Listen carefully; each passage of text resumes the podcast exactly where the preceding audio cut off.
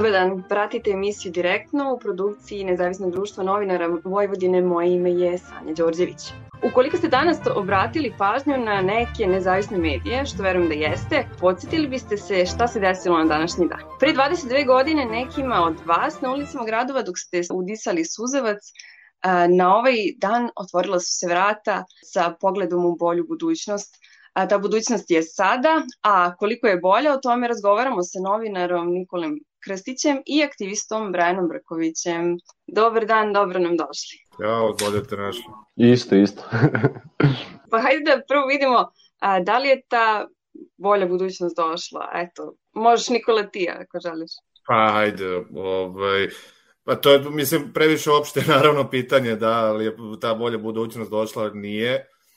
Brian i ja smo, ja mislim, čini mi se relativno sličnih godina, stoga smo bili klinci kada se desio taj 5. oktobar pre 22 godine i nije, nismo, ja barem nisam pojma imao ni šta se dešava, ni šta se zbiva, prve scene tog 5. oktobra, ono kao kad si, kad si mali, pa kao čega se prvo sećaš, seća se da je majka ušla kod babe u stan i rekla, pao ja, baba nije valjda.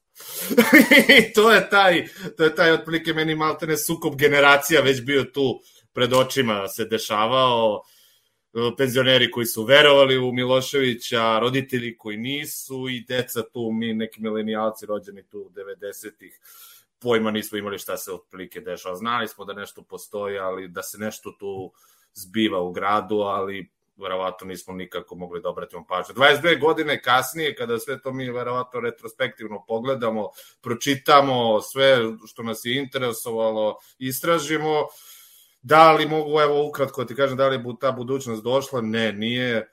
Vraća se možda u mnogo mračnijem obliku, samo prikrivenije. Eto. Vraća se prošlost, ne budućnost. Ali dobro, eto. Brajane, da li se slažeš da smo, im, da smo back to the future? Pa mislim, apsolutno se slažem, možda idemo čak i više unazad, jer to što kaže Nikola, tu jesmo negde generacije i od tog 5. oktobra meni jedino sećanje koje ostalo jeste ta neka dnevna soba sa babom i dedom, tenzija jer su roditelji negde i nešto treba da se dogodi.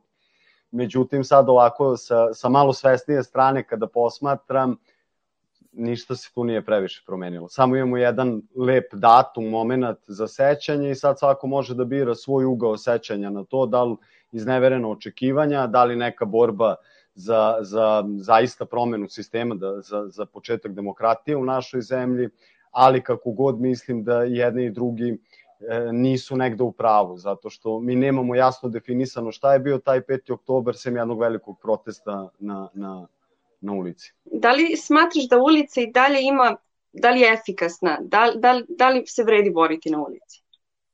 Pa mislim da ulica nikad ne treba da, da bude prvi izbor i ljudi ne treba da izlaze na ulicu zato što zato što ajde to im deluje cool. Na ulicu se izlazi tek kada se istroše sva neka institucionalna rešenja, kada, kada zaista to jedno ignorisanje, da kažem, prelije čašu. E, mada sa druge strane ja ću uvek biti pobornik toga da u ovakvoj konstalaciji stvari kao, kao što je u Srbiji, da ulica jeste rešenje, zato što pre svega to šta se dešava na ulici takođe pored te neke konkretne delotvornosti zbog čega se protestuje takođe može, može biti jedan kanal informacije.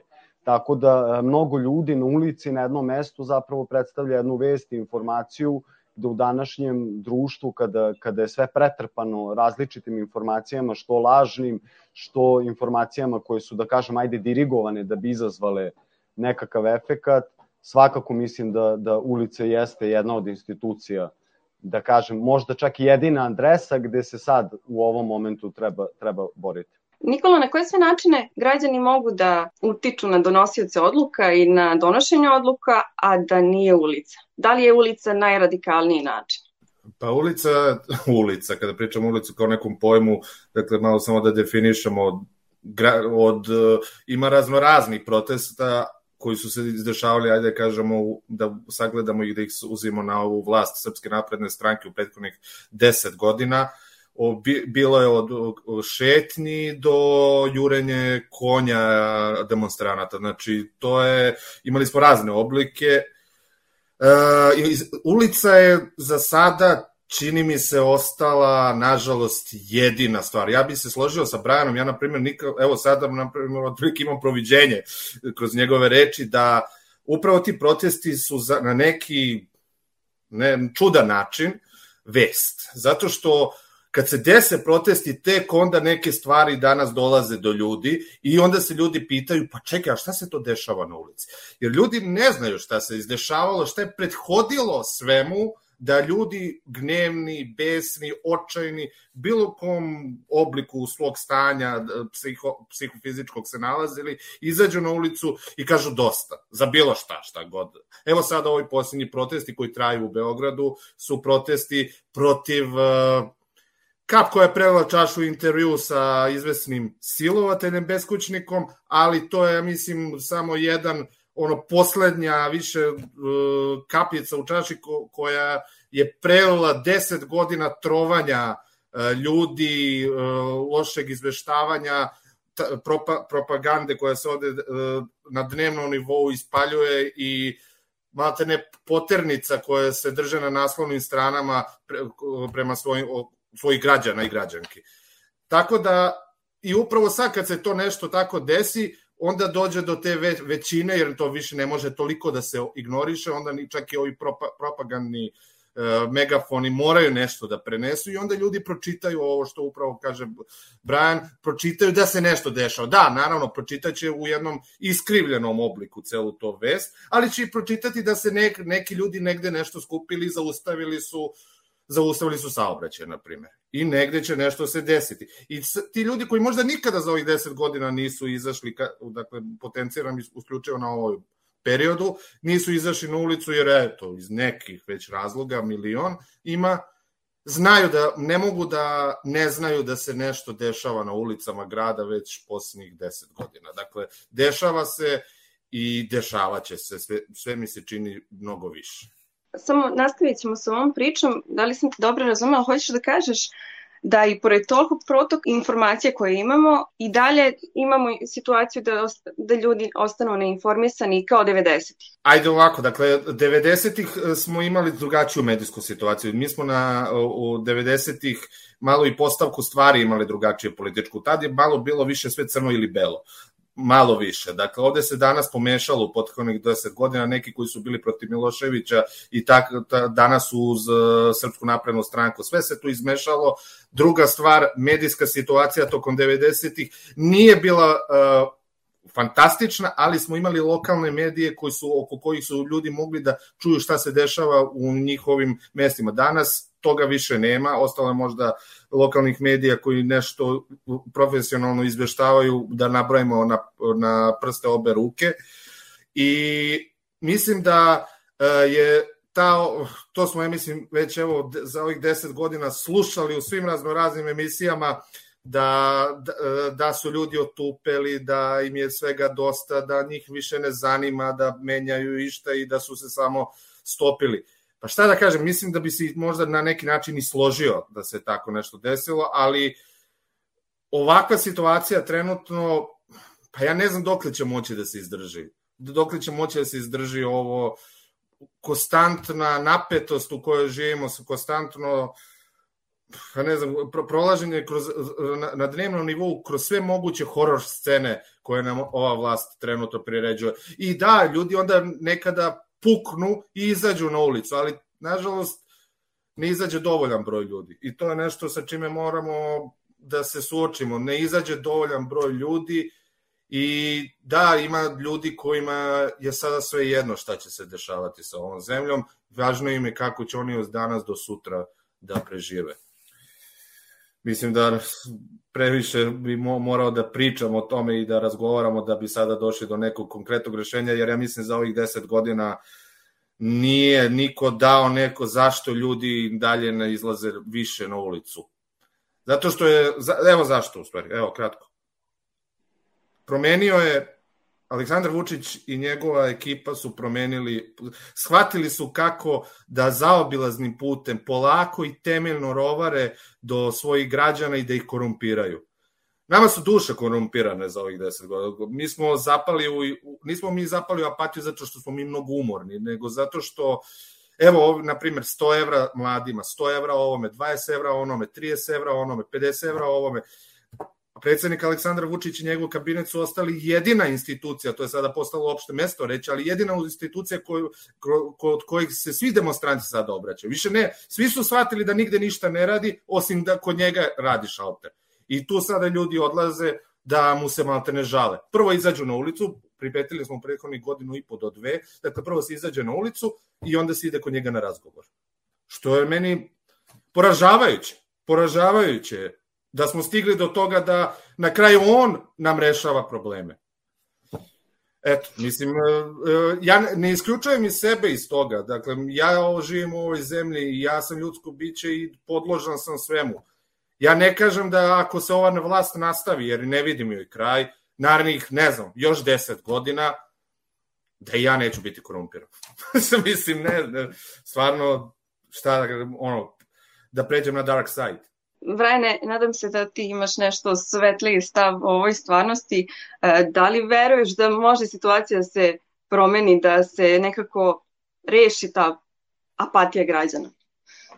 Pa naravno da verujem, to, to je neki razlog zato što, mislim, još uvek sam mlada osoba i mogu sebi da dozvolim gomilu entuzijazma i optimizma za koji će se možda ispostaviti da je potrošen, ali uopšte ne želim sada da kalkulišem da li će to biti potrošeno ili ne, ali um, u svoj ovoj igri sa ovim režimom prethodnih godina negde naučili smo da oni jako dobro kalkulišu sa pritiskom, da imaju mehanizme uh, um, spuštanja protesta, dizanja protesta, da, da, da sa te strane su uh, na očigled po meni mnogo veštiji nego, nego 90. godina, s tim da to znači da imamo jednu perfidniju borbu, to je perfidnijeg protivnika ispred nas. Uh, dosta dugo sam razmišljao koji je model protesta, koji je model te uh, akcije na ulici koji može uh, može da dovede do neke e, masovne reakcije.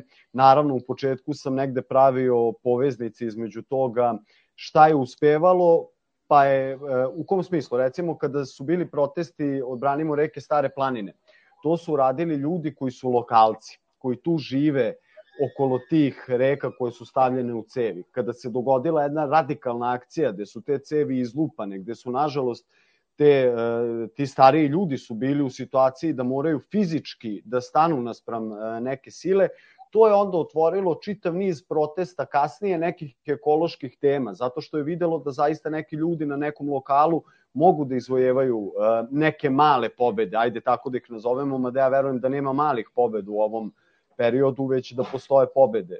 Sa druge strane, pobornik sam toga da nam više nije ni potrebna tolika masovnost. To jest, potrebna nam je masovnost, ali mi nemamo taj luksuz da očekujemo da će protesti postati naprsno masovni. Ljudi imaju gomilu izneverenih očekivanja koje baš datiraju od tog 5. oktobra.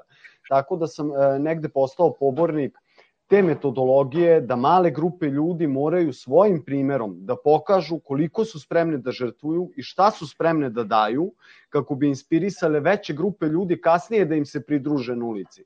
Primer bi negde paralelu povukao sa situacijom kada je usvojen generalni urbanistički plan, nas e, stotinjak, nije nas bilo više od sto koji smo mesecima skupljali potpise na primetbe, koji smo se sa različitim kolektivima borili institucionalnim putem kada smo skupljali te potpise, tih 15.000 primetbi, to je potpisa na primetbe, mi smo obećali građanima da ćemo dati sve od sebe da GUP ne bude usvojen. To nas je dovelo do toga da nas 100 sa jedne strane juriša na policiju i batinaše, jer to znači dati sve od sebe. Iako uh, smo bile žrtve, bili smo žrtve i policijske represije i zakonodavne represije, nekoliko dana posle toga smo imali znatno veći protest e, u Novom Sadu, koji je brojao oko 2500 ljudi, što znači da su ljudi bili inspirisani negde time, time šta se dešavalo. Tako da ja u budućnosti vidim, e, da kažem, veliki udeo lokalnih borbi u tome šta će se dešavati na globalu. To jest, kada pričam o globalu, mislim na, na nivou Srbije, jer to je ono na što ova vlast uh, ja mislim da ne računa, nemoguće da se dogodi tek od sebe neki novi, sam od sebe neki novi 5. oktobar. Moramo na svojim lokalima, sa svojim komšijama, da izgaramo u borbama, da bi onda ljudi videli da zaista postoji smisao boriti se. u smislu, da kažem, ulične borbe. S tim što ja ne bih romantizovao proteste, zato što e, kada protest uspe, onda je svima lepo, svi se možemo zagrliti, možemo plakati, možemo biti ponešeni jako lepim emocijama, jer smo zaista uspeli u nečemu. Ali put do tog uspeha je zaista trnovit i kada dođe do jedne velike katarze u narodu, za koju se s jedne strane i pribojavam da može doći kod nas, to je jako teško kontrolisati i to jako lako može da se pretvori u neke e, zaista ozbiljne nerede gde ne moram ni da podlačim da bi možda bilo i mnogo više razbijenih glava, ozbiljnih krivičnih prijava, da bi ljudi bili u zatvorima na neke duže vremenske periode, ali to je onaj deo koji mi ne vidimo kada pričamo o uspešnim revolucijama, uspešnim protestima na ulici. Tako da e, moramo samo da budemo, mislim, negde ja tu uvek sebi pokušavam da kažem, ok, Brane, budi svestan da bi bio neki pokretač, da bi nekim svojim primerom uspeo nešto da pokažeš, koliko si spreman da daš, koliko krivičnih prijava si spreman da dobiješ, koliko si puta spreman da budeš na poternici. I onda shvatim da mogu ja biti spreman, ali drugi ljudi koji to vide, to će ih odbijati, neće im biti lako, ali onog trenutka kada vide komšije iz zgrade pored sebe, onda to čini da, da malo lakše, e, da kažem, prevazilazimo te naše uh, strahove, jer hrabar čovek se boji, samo je hrabar zato što uprkos tome što se boji, zaista pokušava da, da prevaziđe taj strah. Tako da jako verujem u lokalnu borbu i mislim da tog momenta kada se dogodi um, jedan novi vid, da kažem, protesta, to će značiti da će baklje slobode biti upaljena širom zemlje i da će to krenuti iz gradova i lokalnih sredina i ljudi koji žive na lokalu, koji osjećaju te probleme, koji osjećaju komšije, koji mogu da grade poverenje direktno jedni između drugih. To naravno nije kratak proces, to je nešto što se dešava i na tome se mora raditi maltene misionarski. To je nešto što, što i mi aktivisti u poslednje vreme radimo, jer smo jako dobro povezani posle borbe protiv Rija Tinte i sličnih borbi. Idemo od grada do grada, nalazimo ljude koje smo upoznali. Znate, on uđete na stranicu, vidite da vam neka osoba 30 puta unazad lajkuje neke postoje, pa hoću u real time-u da upoznam tu osobu hoću da vidim što ta osoba to lajkuje i onda na taj način mislim da, da, da, da će se, da kažem, protest kao institucija ustanoviti kao izuzetno delotvorna stvar onog trenutka kada bude krenula od lokala. Nikola, da li su možda konkretni zahtevi rešenje, da li su možda e, takvi protesti uspešniji, jer kao što si rekao i sam imamo jako puno razloga da budemo ljuti da li možda da se borimo pojedinačno za svaku stvar. E, misliš na ovo što je Brian rekao? Mali protest, mm. mislim mali protesti, protesti da, da, da. da po zemlji. Pa mislim ovo da, ovo je dobar ugao gledanja cele stvari, naravno i jednog dana kada možda bude, evo ja bi samo napravio možda neki logički nastavak jednog dana kada se sve kada počne da gore male baklje svuda po, po zemlji, da se i to treba dobro biti i umrežen, to je nešto što možda i fali u svemu ove, ali da se radi na mreži između aktivista, e, ljudi pobunjenika, kako god nazvali to, e, da jednog dana kada možda se približimo danu de, pošto smo, složit ćemo se, ja mislim svi ovde da ova vlast nema nameru da siđe normalnim putem i imaju nameru da se ovde vladaju još narednih 20-30 godina, kada dođe taj dan D, da se sve to slije na jednu tačku. Ali da, imao bi otklon kao Brian i distancu i razmišljanje šta će biti cena svega toga. Jer videli smo 2027. jula šta su i 8. jula šta su u stanju policijske snage da učine da odbrane njihovu vlast u Beogradu. A i sad u Novom Sadu.